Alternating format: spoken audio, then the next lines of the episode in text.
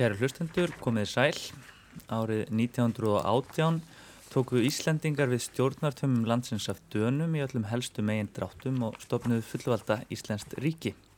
Í þessari þáttaröð á öll ljósfraggans er hort yfir þá tíu áratví sem liðnir eru frá fullveldistökunni í ljósi fréttaflutnings á fullveldis tímanum. Í dag beinum við sjónum okkar að áratvíunum 1958 til 1968 og ég fengi til liðsvimi sömu gesti og fyrir viku þau Byrnu Þórðardóttur, Guðmund Jónsson, Margreti Heinreksdóttur og Pétur Gunnarsson. Verið hjartanlega velkomin. Takk. Margreti, þú ert sem fyrir á Akureyri Já, já. og við hinn hér í Estaleiti. Í þessum þætti hugum við sérstaklega tveimur mikilvægum fréttæfnum frá áratugnum áratuginum 1958 til 1968 Á innlendum vettvangi bar þetta tíðunda strax í upphafi áratugurins árið 1958 að landhelgin var færð út í 12 sjómílur. Á erlendum vettvangi urðu mikla sviftingar víða um heim sem gerðnan eru kendar við árið 1968. Í París mótmæltu stúdendar og verkafólk í blóðugum óerðum. Í Bandaríkunum hafi réttinda bara þetta svartra staðum árabil en 4. april var Martin Luther King ráðun af dögunum í Memphis. Þá naut stríðsrækstur bandaríkjahess í Vietnam vaksandi óvinnselta og mikil umskipti urði í stjórnmálum í Tjekkoslovaki í janúar þetta ár þegar leittóar kommunistaflokksins reynda að koma á umbótum þar í landi. Umbóta tímabilinu hennu svo kallaða voru í Prag laug sviplega með innráð Sovjetríkjana 21. ágúst setna sama ár. Þó atbyrðinir séu innbyrðis ólíkir þá kristallast ef til vill í þeim átök íhaldsafla og þeirra sem kröðust aukina borgarréttinda, aukins frelsis og samfélagslegs réttlætis. Í dag eru 50 ár liðin frá þessu tíundamikla ári en enn sem fyrir nýtur ártalið 68 ákveðina sérstöði hugmyndasögunni að miskusti hér á Vesturlandum. En áður en við ræðum þessa tvo atbyrði ef svo má kalla sérstaklega þá vil ég gerna byggja ykkur kæru gestir um að kynna ykkur hvert um sig, segja örlítil deila okkur og aðalega frá því hvernig landslæði fréttum og fréttaflutningi á þessum áratug 1958 til 1968 horfir við ykkur í dag og Margrét, mér langar að bjóða þér að, að hefja leik. Já, þakka þér fyrir. Þetta kemur nokkur nefn heim og saman við, við fyrsta tímabili mitt í, í bladamennsku. Mm -hmm. Það er það mikilvæg þáttaskil í mínu lífi þegar ég fekk starf sem bladamæður hjá Morgunbladinu og byrjaði þar að vinna, að byrjaði að vinna þar uh, í desember, meðan desember 1959. Nú þá fór ég hönd mikill og oft er við lærdóms og þorskatími en þó fyrst og fremst ánægilegur því að gamli mokki var góður og skemmtilegur vinnstæður. Mm -hmm. Nú, um, ég var þarna til lok þessa tímabils og uh, núna eins og sæðir eru 50 ár liðin frá, frá uh, hérna innrásinni í Tjekkoslavakíu og það, það vildi svo til að ég var á kvöldvakt uh, þetta, þegar þetta gerðist og, og, og á, er, þetta er mér mjög í fesku minni en þá þó langt sem liðist. Og þetta var í raunveru, þessi atbyrður var eins og jarðskjálti innan hins sósélíska heims og átt eftir að hafa gífurlega áhrif. Einmitt. Hvað fréttina var það þá er þetta merkilegu tími fyrir margra hlutasakir og allir víða strömmkvörfum. Þetta er til dæmis tími sjálfstæðisbaráttu nýlenda breyta, frakka, belga og portugal í Afríku og, ví, og víðar sem helst í heldur við þróunin svo kallaða sjálfsákvörðanlar réttar þjóða. Einmitt en hann styrti svo um munað í desember 1960 þegar samþýtt var á allsverðar þingi saminuði þjóðana yfir lýsing þar sem hann var viðurkendur sem grundvöldur frelsis þessara þjóða. Kúun, undirrókun og arður án þjóða var líst brot á grundvallarmannréttundum og á sáttmála saminuði þjóðana og því var líst yfir að allar þjóðir ættur rétt til sjálfsákvörðunar um pólitíska stöðu sína og nýtingu öðlenda sína og um þetta síðast nefnda fullveldi yfir eigin auðlundum var svo samtíkt sérstaklega yfirlýsing tveimur árum setna. Þetta er líka mikil tími tíðand í bandaríkanum, tími kynntætta átaka og morðmanna á Malcolm X og Martin Luther King. Þetta var tími Kennedyana. John Kennedy verður fórseti í áspyrju 1961 en er mistur í november strax 1963 og bróðir hans, Robert, er mistur í lóktímabilsins mm. og þá í frambóðu til fórsetakjörs.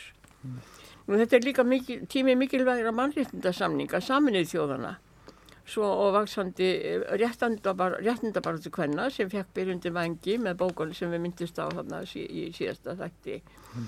Uh, og svo að sjálfsögðu er þetta tími uh, máls, málana á Íslandi fiskveiði deilnana við breyta og þjóðverja og, fleir, fleir, og fleiri þjóða útverslana í fjóra miljur frá beinum grunnlínum 1952 mm -hmm. og síðan í 12 miljur 58 mm -hmm. og á þessum árum eru til dæmis haldnar tvær hafréttar ástefnur á vegum saminuði þjóðana og svo þriðja á næsta áratug 19, var sett 1973 í New York en fyrsti vinnufundurinn haldin í Caracas í Venezuela 1974 Mm -hmm. og var, ég var svo heppin að geta verið þar í, í tvær vikur að störfum og hittar fjöldamanns að, að, að máli og fylgst með. Akkurat, þú varst svo sannarlega í miklu nái við þessa atbyrðu, þú sagði mér að þú hefði stoppað morgumblæðið í, í prentun þannig að það er áðurst farin í Tjekkslóki Já, já, það, þetta gerist fréttin barst undir miðnætti og, og, og það var byrjað að brenda blæðið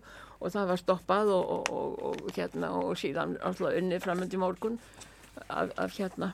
Að vera með þessa frétt á fórsíðinni já og það, það, svo, það var aldrei gaman að því sko. Ég held að, að við með skosti trúðum því og hefðum ekki fengið neinar vísbendingar um annar en að morgunbladið hefði verið í raun og veru fyrsta eina bladið í Evrópu sem að hafði fréttina á þessari dagsetningu 21. ágúst vegna þess að tíminn í Evrópu var náttúrulega undan okkur og, og morgunblöðin þar allt farin í brendun, ég vil koma göttuna sko.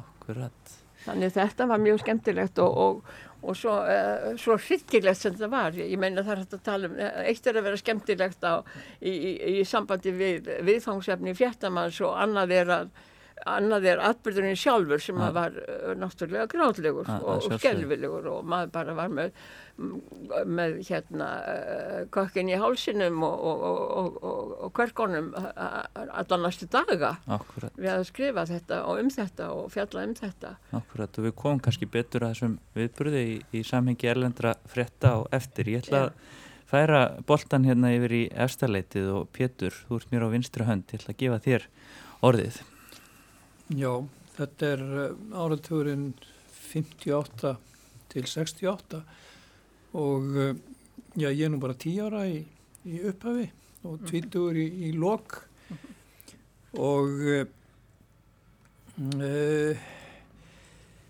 þetta er uh, við vorum hérna fyrir viku síðan svolítið að tala niður pólitíkina hvað hva maður hefði verið áhuga laus um, um stjórnmál uh, fram að 68 en uh, það ber nú samt að, að gera uh, smá fyrirvara um Kennedy. Það er náttúrulega Kennedy hann kemst til valda ef ég mann rétt 61 og og þar er náttúrulega bara kvíkmyndastjarnar komin á fórsetastól mm -hmm.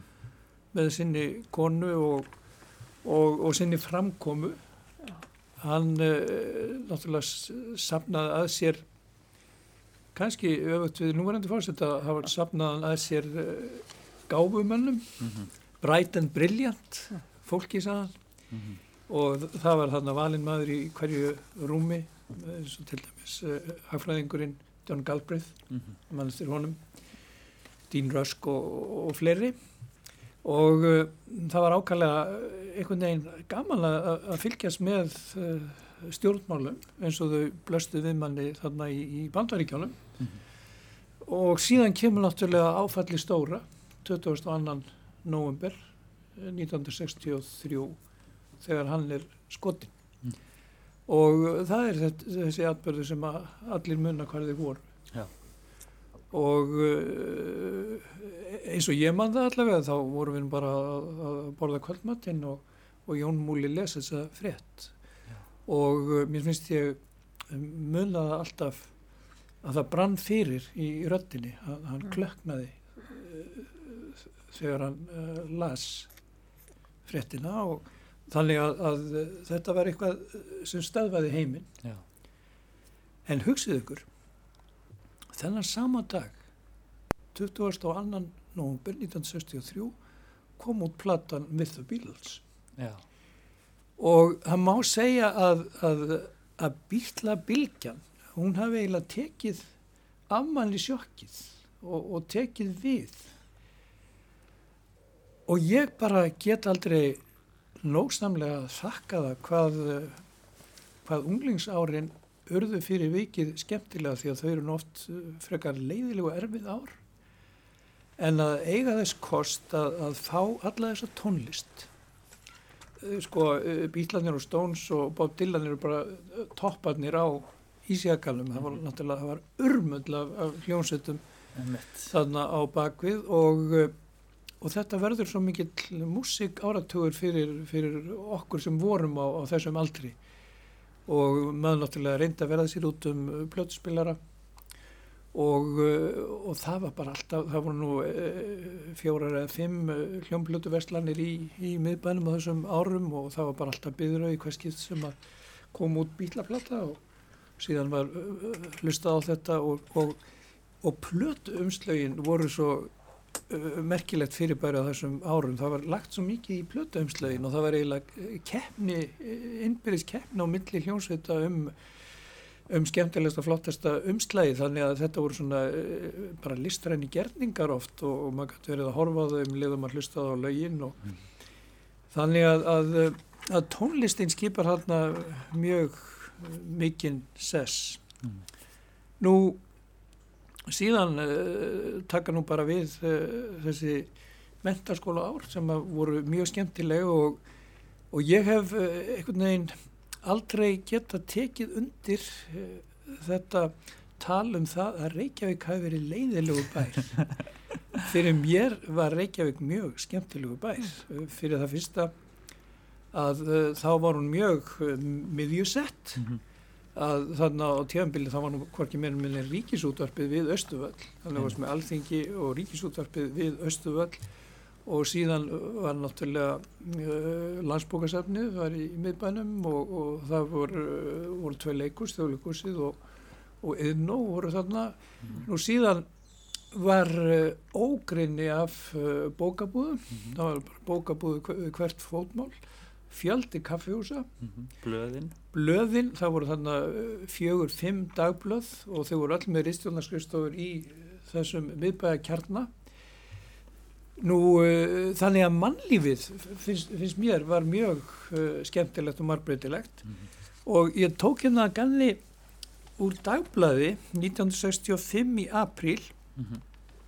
lögreglu þjótt stöðvar álfheimavagnin á leið niður í miðbæ, skipar öllum út og telur upp í að aftur leifilegan fjölda og vísar nokkrum tögum frá. Að þetta er náttúrulega fyrir engabíla væðinguna og uh, fyrir bræðið þá er svo mikil uh, mann grúi á gangstéttum mm -hmm. og, og í uh, strætisvögnum þannig að, að fyrir mér, að ég vil gerna halda til haga hvað þetta hefur verið skemmtileg borg á, á þessum árum. Akkurat. Um, Guðmundur, ég ætla að senda boltan til þín. Já, ég er sagfræðingur og hef starfað við það mjög lengi. Ég prósar í sagfræði við Háskóli Íslands. Ég hef afskaplega gaman af Íslandsögu mm -hmm. og e, finnst þessi áratögu 58-68 mjög, mjög kær. Ég var náttúrulega með þryggja ára þegar, ég, þegar þann hefst e, árið 58 lítill snáði í hlýðunum í Reykjavík en flisti mig það ár í vogakverfið þangað sem álfheimandaginn fer. Ég var nefnilega hínum enda bæjarins. Og eins og svo margir mörg bann eftir strís árana þurpumst við í útkverfi Reykjavíkur mm -hmm. og vogakverfið þar sem þangað sem ég flutti verður fjölmjörnasta hverfið í Reykjavík. Já. það er mikil mangrúið það er margt, mörg bönnin mm -hmm við sóttum ekki leikhúsin eða bíó, jú við sóttum sannarlega bíóhúsin mm.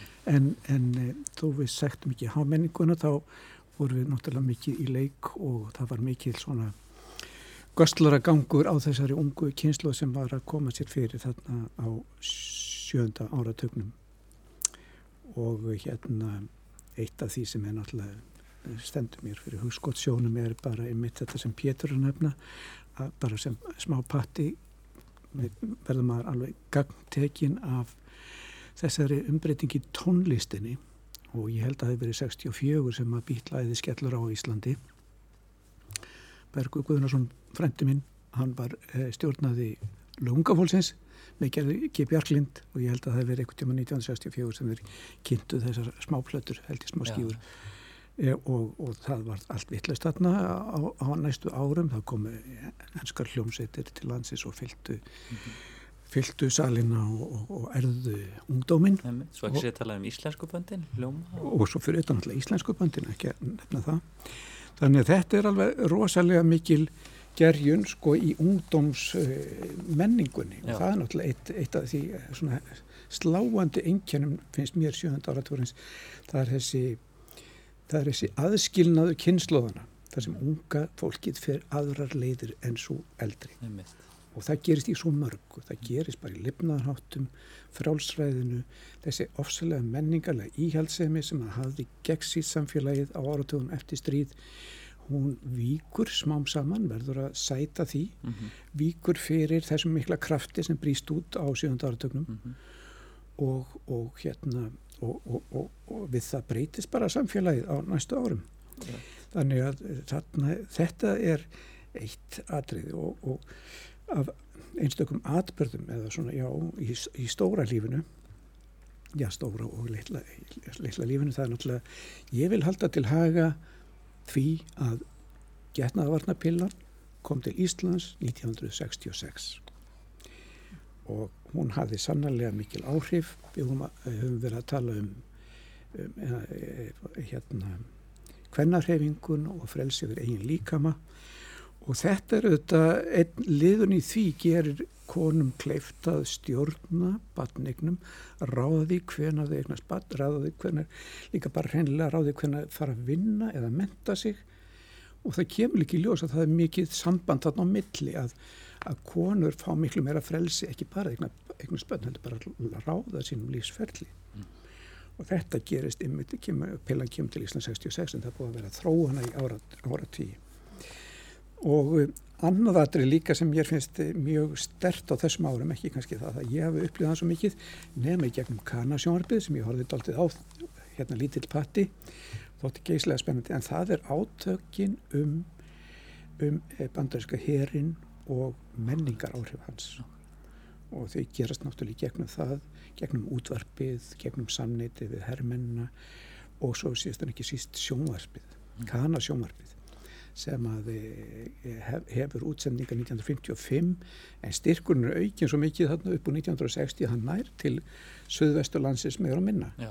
og upp úr þessu sprett alveg gríðarlegar deilur og, tengi, og menn eru fann að tala um sem þetta verndun menningarhelgi ah, Íslands okay. og með svona tilvísun í landhelgina nú er það menningarhelgin sem þarf að varðveita mm -hmm. og verða bara mjög gríðarlega svona menningar átökum það Nei. síðast ekki síst vil ég nefna það sem er náttúrulega stór atbörður þessa áratöðar það er viðreistnar stjórnin sjálf sem eiginlega ræður allu þessu tímanbili frá 1959 til 71 þetta er langlífasta ríkistjórn sem við höfum haft mm -hmm. og setur mjög djúb spór í okkar stjórnmál mm -hmm. Akkurat Byrna Já, eh, við byrjum kannski aðeins að segja frá sjálfrið mér. Ég er fætt e, út að Reykjavíkur næstum eins langt í burt og hægt er þó ekki alveg að borga fyrir östri og þar í sveit, sveitinni að með töldu þorpi byggu þá 250 mass. Það er öllu færrað þar núna. En e, það sem móði mín var skólastjóri og á þessum tíma þá var einni læknir á borgarfyrir Estri, það þætti nú all mikið í látið í dag. En e, læknirinn var einnig kona, Inga Björnsdóttir og þess vegna taldi ég að konu réðu öllu nema kaufélaginu og kirkjunni. Og þess vegna voru konreiðilega mun mikilvægari heldur en karlar að mínu mati og nú ári síðar að þá að því að við ætlum einnig að fjalla hér um landhelgina og fiskin og þá byrja ég í fristuhúsi þá þótt ekki tiltökum ála að byrja og þó það var nú vist engin eins ungur eða ung og ég, ég byrjaði tíu ára gömul í fristuhúsi, ég held að ég hafi verið óvirk og sennilega hefði ég verið sett á einhverja, einhver pilludjús. Í dag? Eða, já, hefði hann og hvort þetta verið í dag eða pillunar verið þá. og þá var ég trúlega einhver önnur í dag en ég er í dag. Mm -hmm. En þannig að ég mæli nú ekki með svona pilludjúsum. En hvaðan það að fiskurinn var auðvitað mjög mikilvægur og ég byrja í síld þegar ég er 14 ára, eh, 65 og þá er ég í síld á Seyðisfyrði. Eh, í kjölfar þess þá var síldin dálítið að fara. Hún fór síðan söður, hún var, hafði verið fyrir vestan, hún hafði verið fyrir norðan og nú var hún bara söður leið. Já. Og þá heyrði ég, því að ég hlustaði líka bátabílgjuna, ég var ekki með kana útvarpið, heldur að bátabílgjan mun mikilvægari. En svo gæti ég hlusta á Radio Luxemburg, það var líka mjög skemmtilegt. Hva, hvað var bátabilgjan? Bátabílgjan, Já. það var bara það sem að sjómenn töluðu saman og það var einnig hægt að ringja úr landi og e, þá auðvitað urðu, það var nú kannski helst þá að konur voru að ringja, hvernmenn voru að ringja í karlmenn út á sjó Já. eða þeir í land því það var fátt um konur út á sjó Og var þetta opin rás? já þetta var Já, já. Hvað slusta á það í útvarfinu? Já, Já. já. þetta var. Akkurat. þarna fegstu nýjirði en hvað er það að þarna heyrði ég ef fekk einhvern, einhvern uh, svona óma því sem að ég skildi síðar mun betur og það var að það voru einhverja ræðum það að það væri nú ferlegt með helvítis, má ekki blóta hérna sko þetta er, þetta er inn að gæsala Akkurat.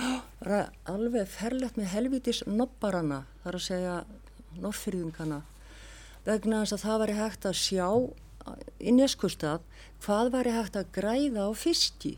Því þar var engin enga útgerð, þar var bæjafélagið með útgerðina og það var með síldabræslu, það var með söltunina og það var með fristuhúsið og þarna var búið að malbygga götur, þarna var barnaheimili og þarna var komið sundlaug og þetta þótti öðrum afar slemt á segðisfyrir til dæmis, þar sem að þegar ég var þar síldað, ég held að hafi verið þá hvað um 13 síldarplön og af þeim eitt í eigu innanbæjar Já, e, aðila akkurat. og bara enda voru götuna þannig að ef reyndi að þá voru, var bara pollur úr poll eða, eða þannig og gróðin fór allur í burtu Einmitt. því að þó að e, útgerðin hafi nú alltaf verið að tapa það er, maður heyrir varla annað sagt og einhver tíman var meira orði það er alveg furðulegt hvað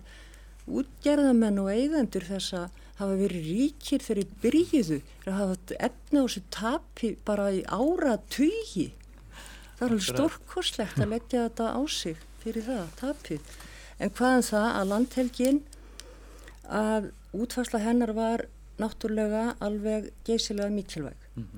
Einmitt. Ég er að hugsa um að fá bara að, að við vindum okkur bara í þetta þú, fyrst þú hérna bryttar upp á landhelgismálunum. Við hérna uh, eins og þú segir, þetta er eitt af því sem bar til tíðindi í íslensku samfélagi á þessum tíma. Eins og þú nefndir Margrét þá hófst þetta í raun og árið 1952 með útfæsli í fjóra mílur og síðan 1958 var landhelgin færði 12 mílur og það er atbyrjun sem við ætlum að till okkur á hér í dag. En eins og bendir á Birna þá sjálfsögðu var þetta langt í frá seinasta útfæslan 1972 er landhelgin færð út í 50 mílur og þremur árum setna eh, er hún færð út í 200 sjómílur. Við skulum grípa niður í umfjöllun úr fréttum aldarinnar um útfæslu landhelginnar í 12 mílur sem var 1. september 1958.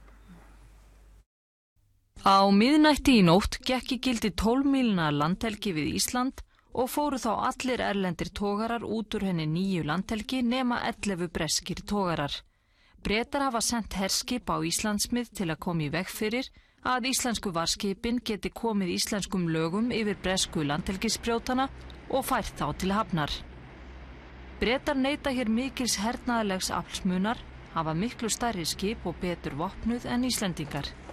Bresku freigáturnar eru mun hraðskreiðar en íslensku varskipin og sigla í veg fyrir þau þegar þau reyna að komast að bresku tógrunum. Þegar hefur þó komið í ljós að erfitt er að veiða undir herskipavend og tógararnir neyðast til að veiða á mörguðum vendarsvæðum í stað þess að geta farið um miðina vild. Margir bresku skipstjóruna kjósa frekar að veiða utan landhelginnar. Sumir hefðu vonast í þessi sumar að breytar myndu ekki leggja í að reyna veiðar undir herskipavend af þessum sökum. En nú er ljóst að vonur um það hafa sloknað. Bresku tóararnir veiða á þremur afmörkuðum svæðum, flestir á vendarsvæði út af dýrafyrði. Breytar hafa sendt fjögur herskip og sex minni fallbissubáta til Íslands. Íslenska landhelgiskeslan hefur á að skipa sjö varskipum en fimm þeirra eru svo lítil að það réttar að væri að tala um báta en skip. Aðgerðir breyta hafa vakið hörð við bröð hér á landi eins og fyrirsagnir íslensku bladana bera með sér. Breska sendiherranum hafa verið aðfend harðord mótmæli í íslensku ríkistjórnarinnar gegn aðförum herskipana. Í kvöld flutti Guðmundur í Guðmundsson utan ríkisá þeirra útvars ávarp þar sem hann sagði meðal annars. Íslendingar fordæma það harlega að ofbeldi og ofríki skuli beitt gegn ráðstöfunum sem hafa það eitt að markmiði að tryggja það að þjóðin megi halda áfram að lifa frjálsum menningarlífi í landi sínu. Ég beini því til allra Íslendinga að þeir standi fast saman um rétt og sæmt þjóðarinnar í máli þessu. Þegar Lúðvík Jósefsson sjáarútesráð þeirra undirritaði reglugerðum útfæsluna 30. júni í sumar sagði hann meðal annars Við vitum að okkar beittasta vopn og það sem hann fær okkur sigur er fullkomin órófa samstaða allrar þjóðarinnar. Samstaðan sem ráþeirarnir rættu um kom glögt fram á útifundi á Lækjartorki í dag sem er einhver hinn fjölmennasti sem hér hefur verið haldinn. Þar töluðu fulltrúar allra þingflokka og tóku undir kjörorðið við semjum ekki við breyta, við sigurum þá.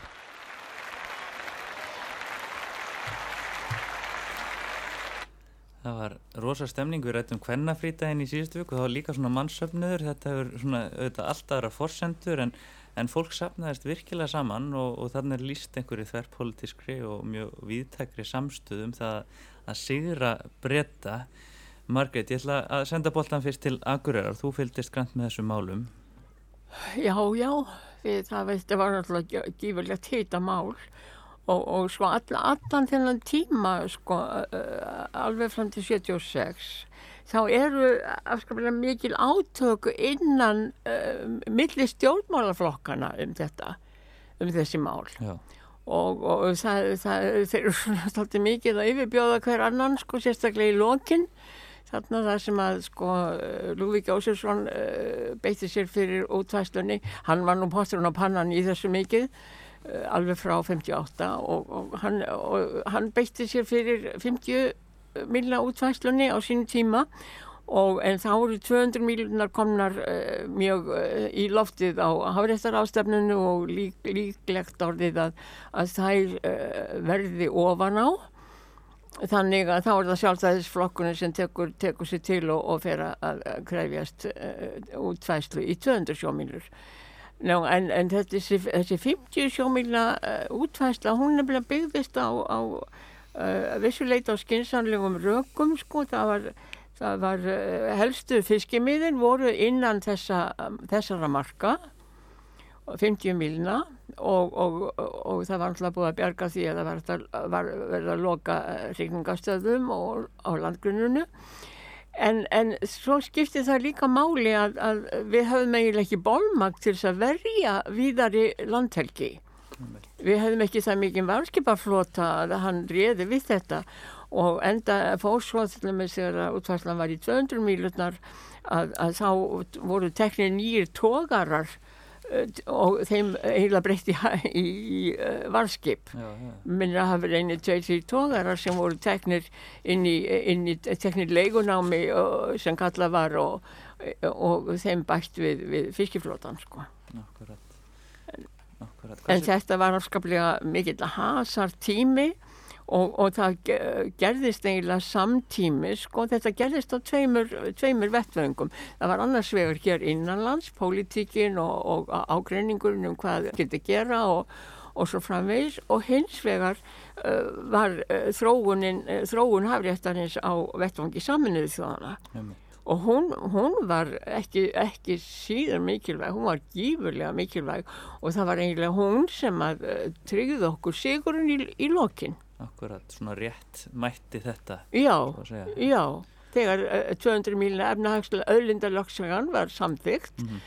og, og þetta skipti náttúrulega mjög miklu máli. Akkurat. Hvað segir þið hinn? Þetta er þetta mikið hittamál og það er ekkert langt síðan að þetta var í umræðinu, bara í kringum síðustu fórsetakostningar að þá var verið að takast um þessa meintu samstöðu þjóðarinnar sem að já, greinilega fólk á þessum tíma það, það, það er sagt frá þessu þannig í fréttum að þannig sé mikil samstæða og, hérna, Já, það, það er það er náttúrulega eins og Byrna kom að á þessum árum að, að þá náttúrulega er sjáar útvögurinn allt um líkjandi og út um allt land. Það, það eru öll þessi sjáar útvögsplás ringin í kringum landið. Einmitt. grundvöllur. Grundvöllur sem allir ganga upp í. En maður spyr sér nú hvernig ætlað eh, ástandi væri í dag þegar eru bara nokkri kvótaeigendur sem eiga þennan nafla myndi, myndi fólk uh, flikjast út á göttur eða, eða uh, vera tilbúið til þess að, að, að berjast fyrir þeim hagsmunum. Ég mann til dæmis eftir því að stúdendar Erlendis þá þannig 72 og 75 Já. að stúdendar ellendis að þeir voru mjög aktífir í baráttu fyrir uh, landhelgismálinu Íslenski stúdendar, Íslenski stúdendar að þeir voru að semja uh, dreifi rít og, og þeir fór út á göttur og þeir voru að kynna málstæðin. Myndi nokkur lifta hendi í dag þegar að, þegar að það er allt aðri sem að eiga hann að nafla heldur en, heldur en þjóðin Nei, alls ekki. Það held ég ekki. Alls ekki vegna þess að þetta var náttúrulega barátta, lífsbarátta þjóðarinn á sínum tíma.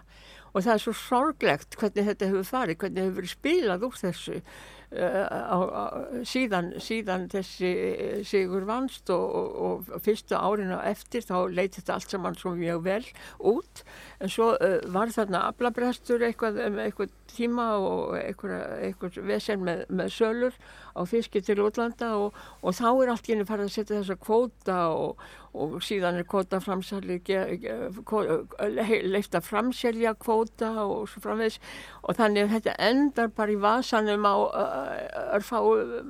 örfáum fjölskyttum í landinu. Akkurat. og þannig að, að, að þjóðin hefur á, á síðustu áratugum alls ekkert fengið þann skerf af, af arðinum af þessari baráttu eins og hann ætti að fá Akkurat og uh, kannski eins og Byrna var að benda á þann að, að, að það var nú líka á, á þessum tíma að, að eins og að segis fyrir það þá, þá hafi kannski ekkert mikið af arðseminu orðið eftir í, í, í plásunu. Þú bendur á þetta aðan Byrna. Ég ætla að, Guðmundur, þú varst um orðið, ég ætla að gefa þér orðið.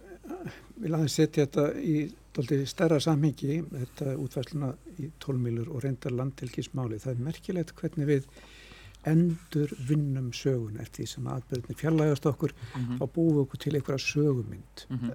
með réttu eða raungu mm -hmm. og stundum er hún doldið nálægt sannleikunum og stundum er hún doldið fjarlægunum og hérna það er þetta með landhelgismálin á Íslandi að það eru þetta mikil barátum það hverjir eru sigurverðanir, hverjir eiga útfæslunar, hverjir er það sem beitur sér fyrir þeim og allir stjórnmálaflokkarnir auðvitað telja sig standa þar í fremstu vilinu mm -hmm. eða fylkingu og það minnum við líka á aðra svona stóra, stóra atbyrði í okkar liðveldisögu eins og til dæmis velferðarkerfið Já.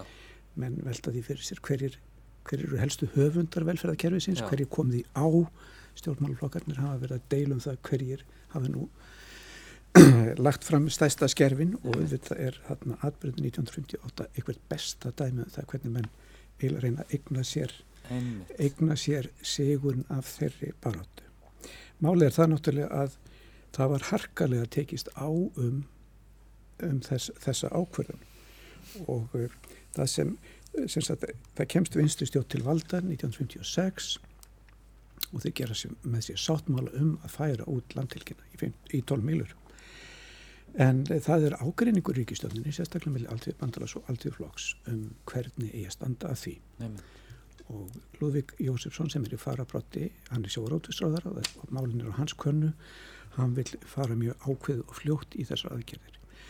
En alltíð flokkurinn og reyndar sjálfstæðisflokkurinn, þeir vilja fara hægar í sækinnar og gera þetta í samvennu við sínar vina og bandalags þjóðir í, í Evrópu og í bandaríkjunum. Og þar stendur nýfurni kunni í raun og veru. Og þetta það upphefst sem sagt æsileg atbyrðarás 57 og alveg fram að 58 og uh, þessu máli frestað, frestað fram yfir hérna hafréttar ástöfn og svo framvegis býða eftir neðustum hennar og og það er það, málið þæft og það enda með því að Lúðvík Jósesson setur hérna ríkistóðinu eiginlega afar kosti sko. Ef þetta er gert núna þá, þá í, í, í hérna samlindi ríkistóðunar þá mun ég bara undir þetta reglugerðinum útvæslu það var þetta semst að uh, færa út landeilkina fónlega með reglugerð reglugerðbreytingu sem væri bara ráðherra ákveð Já. Og hérna Herman Jónasson segir bara já ef þú gerir það því að alltiflokksmenn voru ekki búin að fallast á að gera þetta núna þeir vildi býða að þá verð ég að víkja þér úr ríkistöndinni og þá segir Lúðvík Jósefsson já það hefur ekkert upp á sig því að ég verð búin að undirrita reglugjörðuna áður en það gerir Akkurat. og þá verður, verður sjáurútisráð þeirra næsti eða ríkistjórn að aftur kalla útfæslu landhelgina og í öfunda engan mann af því. Nei, þannig að það, það, þetta hefnast ekki og svo bara þannig held ég 20. mæ er ákveðið að, að ganga í þetta og reglugerðin er uh, hérna, sett og teku í gildi fyrsta setnumber mm. þannig alveg fram að þessu þá er alveg gríðarlega deilur innan ríkistjóðnarinn um hvernig ég standa þessari útfæslu En svo þegar þetta er komið, þá náttúrulega saminast stjórnmálaflokkarnir um að þetta sé, þarna erum við komin mm. og við munum mótmala öllum eh, árásum, eh, bresku ríkistjórnarar, herskipum hennar og tógara, tóg, bresku tógara eigandunum og, og, og skipstjórnum eins, eins mögulega við getum. Við getum rætt þetta málið þetta miklu miklu lengur, ég held að við verðum að láta staðar numið hér því við hefum eftir að ræða eh, atbyrðu út í hinn viða heimi sem verða eh, tíu árum síðar við lok þessa áratugar, 68 um, það verða sviftingar mjög viða eins og ég myndist á í upphæðu þáttarinnar og þær eru gerðnar kendar við þetta ár. Við skulum drepa niður í svipmyndum af erlendum vettvangi Um, við grýpum niður í Prag, í Paris og Chicago og heyrum rættir Robert Kennedy, fórstætta frambjöðanda demokrataflokksins í bandaríkjunum og Martin Luther King en þeir voru báðir ráðnir af dögum eins og hefur komið fram hér í dag með nokkura vikna millibili þá um voruð 1968. Í Tjekkoslovakíu var myndu tiltölulega frjálslind ríkistjórn og undir handleiðslu hennar og Alexander Dubčeks, leiðtóða kommunistaflokksins, átt að koma á mannlegri sósialisma eins og það var kallað en breytingarnar voru of rótækar að mati sovjetstjórnarinnar og í júli fóru helstu ráðamenn Sovjetríkjana til Tjarna í Tjekkoslovakíu til fundar við tjekkneska fórustumenn. Um skeiðleit út fyrir að tjekkar fengju sjálfur að velja sér leið til sósialismans. En svo kom annað á daginn, hinn 21. ágúst réðist 250.000 manna sovjískur herinn í Tjekkoslovakíu og fylgdónum hersveiti frá fleiri Varsjábandalagsríkjum. Prag og aðrar helstu borgi landsins voru herrteknar. Drunur og æsingaróp byltingar ásins 1789 endur ómuðu í París 1968. Það voru meira að segja gerð götu víi. Í nokkra vikur í mæ stóðu Frakland á barmi algjörs glundróða. Almenningur um heim allan var agndofa þegar fyrirmyndaríki gólistana riðaði til falls. Stúdentarnir voru kjarni þessara byltingar.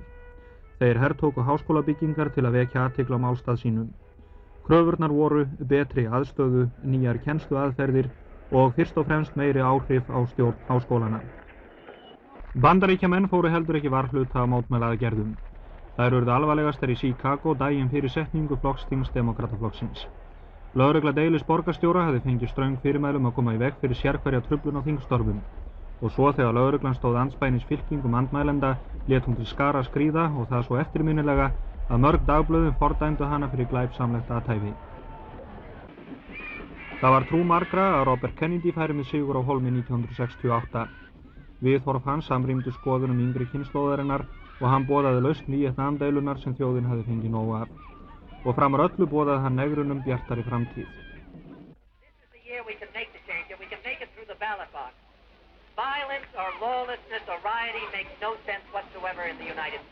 Martin Luther King hafi verið leiðtói í mannréttindabaráttu blökkumanna í 15 ár.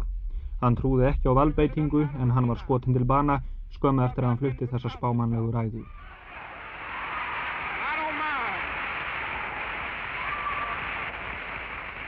Like anybody, I would like to live a long life. Longevity has its place.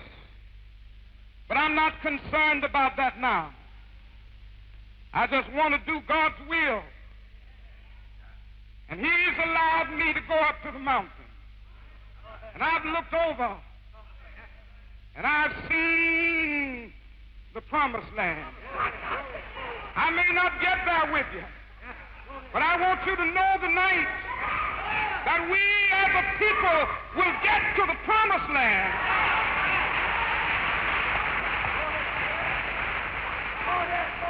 So I'm happy tonight. I'm not worried about anything. I'm not fearing any man. Mine eyes have seen the glory of the coming of the Lord.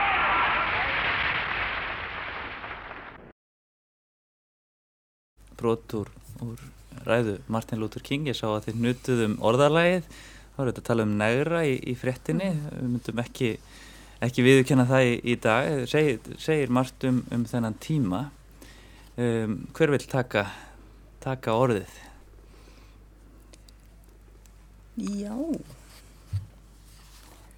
um, það er, sko, það er þessi e, morð árátta sem að viðgengst í bandaríkjónum og sem að er mjög alvarleg finnst mér og e, maður getur verið sammála eða ósamála en maður líkur því ekki með því að stjóta einhver.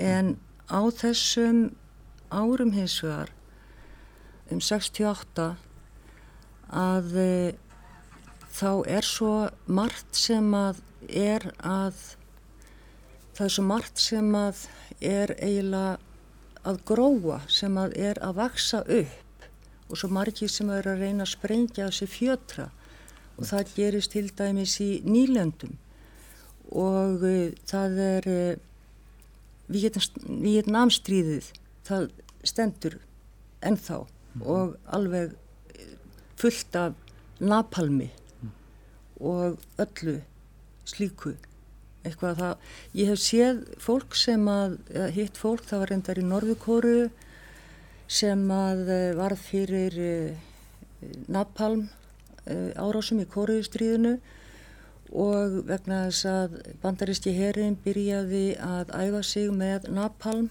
þar og þá eru líðin 18 ár frá því að kóruðustríðinu lauk. Og það er, það er eitthvað sem að ég vildi helst ekki sjá og skiptir þá stjórnarfar lands engu máli ég tek það fram. Það er, það er óhugnaður. Það er kannski rétt að halda því til haga til við tölum um Kennedy fórseta. Já.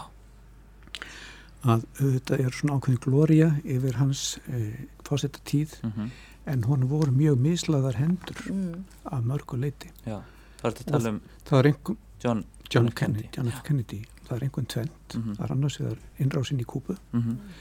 og svo aftur Vietnamstríðið því það er hann sem að eigur mjög hernaðar um svið bandaríkjana -hmm. í Vietnam og kemur þessu, öll, þessu ástandi af stað mhm.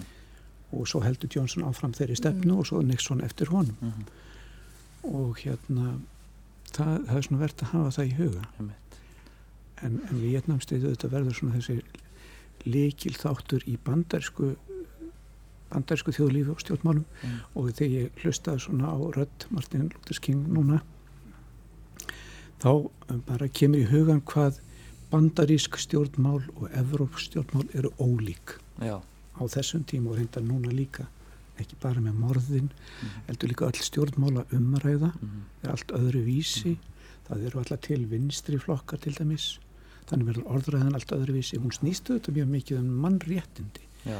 réttindi blökkumanna reyndar svo líka hvernarrefingin verður þar mjög öflug. Mhm.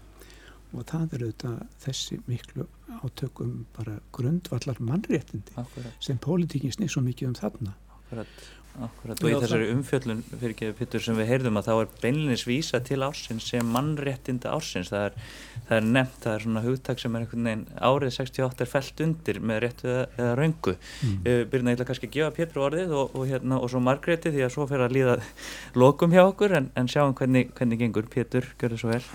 Já, nei, ég tek bara undir þetta sem Guðmundur var að segja að þetta náttúrulega kvíldi, þetta var miklu nærtækara í að að menn náttu þetta yfir höfði sér að vera kallaðir í eh, þetta helvíti. En, en Vietnastriðið sko það er eh, svo stert hvað, hvað ljósmyndin hafði mikil áhrif. Og við erum öll ennþá með brent inn á heilabörkin myndina af börnunum í Vietnam sem eru að hlaupa grátandi eftir þjóðveginum eftir að hafa verið brent í, í Napalm. Og við erum öll með myndina af uh, offisýranum sem eru að skjóta í beinni útsendingu uh, skæruliða. Með skambissu og s- svona myndir sko sem að, sem að þryktust inn í, í, í vitund fólks og, og kynntu náttúrulega undir þessari rótækni já, en að því að við erum að tala um sko stúdendareyfinguna í Fraklandi þá er hún náttúrulega alveg stór furðuleg þannig að þess að það er einhvern veginn svo lítil þúa sem veltir stóru hlassi þetta, þetta byrjar bara uh, sem svona saklislega mótmæli í, í háskólanum Nanterre sem að, var nýr háskóli í útkverfi Parísar. Og uh, mér minnir að uh, það hefur verið þarna bara innaríksráþæran eða, eða einhver ráþæra sem var að við held í sundlaug og, og þá kemur þessi drengur Daniel Combendi og, og tekur á hann morðið og, og, og fer eitthvað að spyrja út í uh, okkur að megi vera uh, frjálsari aðgangur á milli kynjana á, á, á hérna uh, einmitt. stundagörðunum og, og verða svona orðaskipti á milli þeirra og, og eftirkvæst þeirra en þetta er oft nefnt sem svona neistinn síðan, síðan þessi mótmæli sem að, sem að breyðast bara á örskamri stund út um allt þjóðfélagi stöðuð náttúrulega því að það var komin þarna rísastór kynnslóð eftir stýris árana og uh, þeir sem voru við e- establishmentið í Fraklandi voru svo viðsfjari þessu fólki í áhugamálum og skoðunum Mhm. og, og framkomu að það var eiginlega engin samræðu grundvöllur Já, og uh, bara um leið og, og mótmælinn brustu út að þá bara hrundi öll svo uh, samfélagsbygging í raun og veru. Þannig að að, að uh, og svo held þetta bara áfram í Fraklandi og þetta kom oft fram í, í bara svona menningarlegum atriðum eins og allt í nú voru allir farnir að þúast. Já, Að já, frakkar þeir þérast þérast þeir þérast upp í hástert. Mhm. En, en allt í hennu voru allir farnir að þúast og, og, og kennarar þúið nefndur, nefndur þúið kennara. Og uh, allt í hennu voru allir háskóla bara opnir. Uh, á þessum tíma þá var held í 4% verka manna barna sem að, sem að vera í háskólum í Fraklandi en, en þarna opnast háskólanir upp, upp á gátt. Og svo framvegis, það eru svona, uh, svona menningarlegi hlutir sem að voru ábyrjandi einmitt. Eh, Sko í sambandi við Vietnam þá vil ég benda á að Rúf tók til síninga núna í vikunni mjög aðteglisverða heimilda þátt að serju um Vietnamsríðið og þar kemur fram að þegar að frakkar gefast upp 1954 þeir hefur reyndar uh, vel, hérna, uh, held napalm yfir, yfir uh, hérna, Indokína líka. Það var ekki bandargemenn sem byrjaði á því. Nei. að þegar frakkarnir gefast upp þá standa bandaríkjumenn undir 80% af kostnaði við stríðið gegn Vietnam Síðan er, kemur upp í, í Söður Vietnam, það, var, það er ákveðið að, að hérna, skipta landinu þannig í tvent í einhverjum genfarsviðræðurum og upp kemur í Söður Vietnam maður sem er kallaður Diem sem fórseti, verður fórseti þar og hann spilar á bandaríkjaman alveg miskuna löst og þá standa þeir frammi fyrir því annarkvört uh, leiti hann uh, yfir til Kína og, og takif samband við Kína og kínverska kommunista eða þá að þeir skulle gjör svo vel að halda á sem að styðja stríðsreksturinn gegn Norðurvétnum. Og þannig er það sem að Kennedy sógast inn í þetta. Einmitt. Og hann, hann er náttúrulega mjög reynslu lítill í utanrikkismálum á þessum árum og, og, og, sína fló árásin hann reyndar fekk hann að jarfi líka en hún var náttúrulega ríkarleg ríkarleg mistök.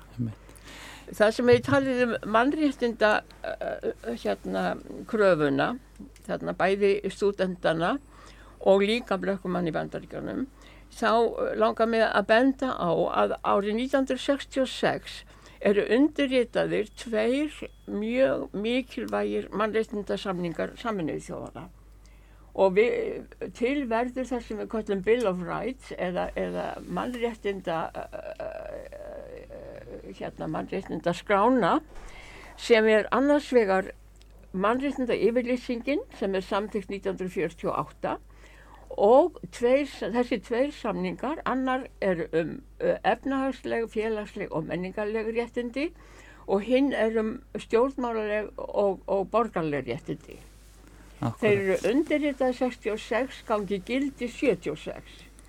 Á grundvelli þessara samninga gáttu hinn er ymsi aðlar minnihlutahópar og, og, og e, e, heilu þjóðríkinn sko byggt kröfur sínar um, um að mannréttindi einstaklinga væru vist. Akkurat, þetta er, er afskalega mikilvægur punktur. Þetta er mjög mikilvægt og 1965 er undirritaður samningu saminuðu þjóðana um bann gegn kynfáttamísmönnum. Einmitt. Þannig að þetta eru, þetta eru krúsjál uh, samningar því þarna sem að uh, liggja eiginlega til grundvallar þessari baráttu. Það er að byggja hana á alþjóðalegum. Akkurat. Ég held að við verðum að láta staðnum í hér, þetta er eins og allt annað sem er rætt í þessum þáttum ótæmandi held ég. Uh, ég þakka ykkur öllum kærlega fyrir Margrét Heinriksdóttir á, á Akureyri, Birta Þórðardóttir, Guðmundur Jónsson og Pétur Gunnarsson. Um, ég þakka hlustendum kærlega fyrir áhernina, verið öll sæl og blessið. Takk, Takk fyrir bóðið.